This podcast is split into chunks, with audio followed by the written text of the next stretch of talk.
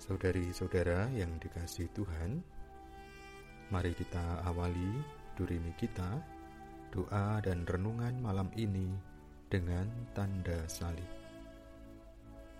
Dalam nama Bapa dan Putera dan Roh Kudus.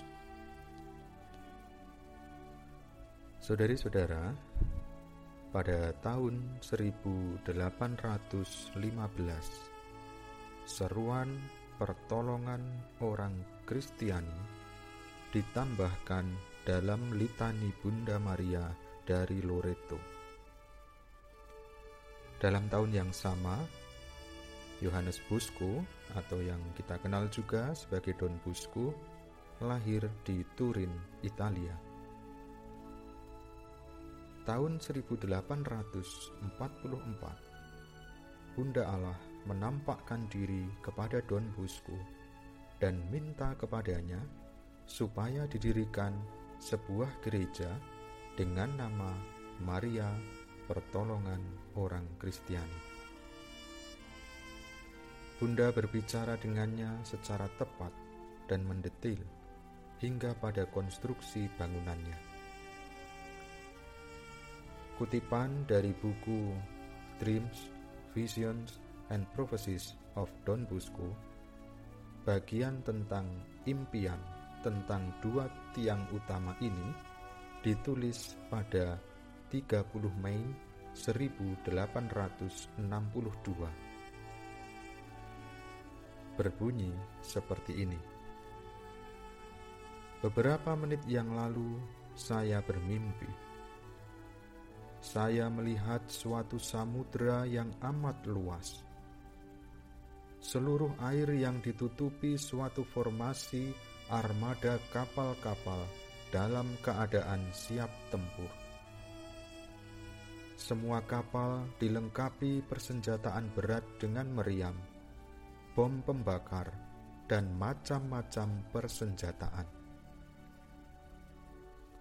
Setumpuk buku dihadapkan pada sebuah kapal yang cukup megah lebih agung dari kapal lainnya. Ketika merapat, kapal-kapal itu langsung menghantam, menembakkan api, dan menyerang habis-habisan. Kapal raksasa yang agung itu dikelilingi sebuah konvoi kapal kecil di tengah-tengah lautan yang tak berujung itu. Nampak dua tiang besar yang amat kokoh.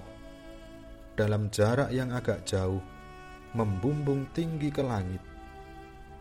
Yang satu menyangga sebuah patung perawan Maria yang tak bernoda, yang di bawah kakinya terbaca huruf-huruf besar yang jelas pertolongan orang Kristiani. Yang lainnya jauh lebih kokoh dan tinggi yaitu tiang yang menyangga sebuah hosti dengan ukuran yang sesuai dan di bawahnya tertulis keselamatan bagi umat beriman. Saudari-saudara yang dikasih Tuhan, tentu sebagai manusia kita juga adalah orang-orang yang membutuhkan pertolongan dari sesama kita dan kita bersyukur sekali lagi sebagai orang Kristiani kita mendapatkan juga Bunda Maria sebagai pertolongan kita. Bunda Maria telah membuka dirinya sebagai penolong bagi kita. Maka mari kita juga memohon pertolongannya supaya di tengah kesulitan-kesulitan hidup kita juga melalui Bunda Maria sampai kepada Kristus, keselamatan bagi umat beriman.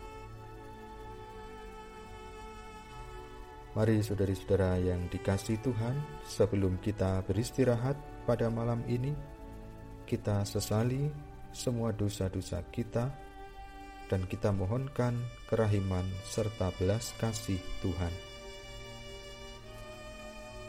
Allah yang Maha Rahim, aku menyesal atas dosa-dosaku. Aku sungguh patut engkau hukum.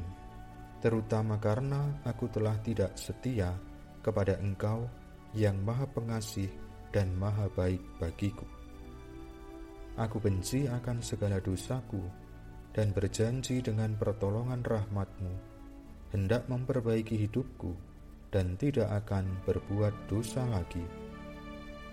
Allah yang maha murah, ampunilah aku, orang berdosa ini. Salam Maria, penuh rahmat Tuhan sertamu. Terpujilah engkau di antara wanita, dan terpujilah buah tubuhmu Yesus. Santa Maria, Bunda Allah, doakanlah kami yang berdosa ini, sekarang dan waktu kami mati.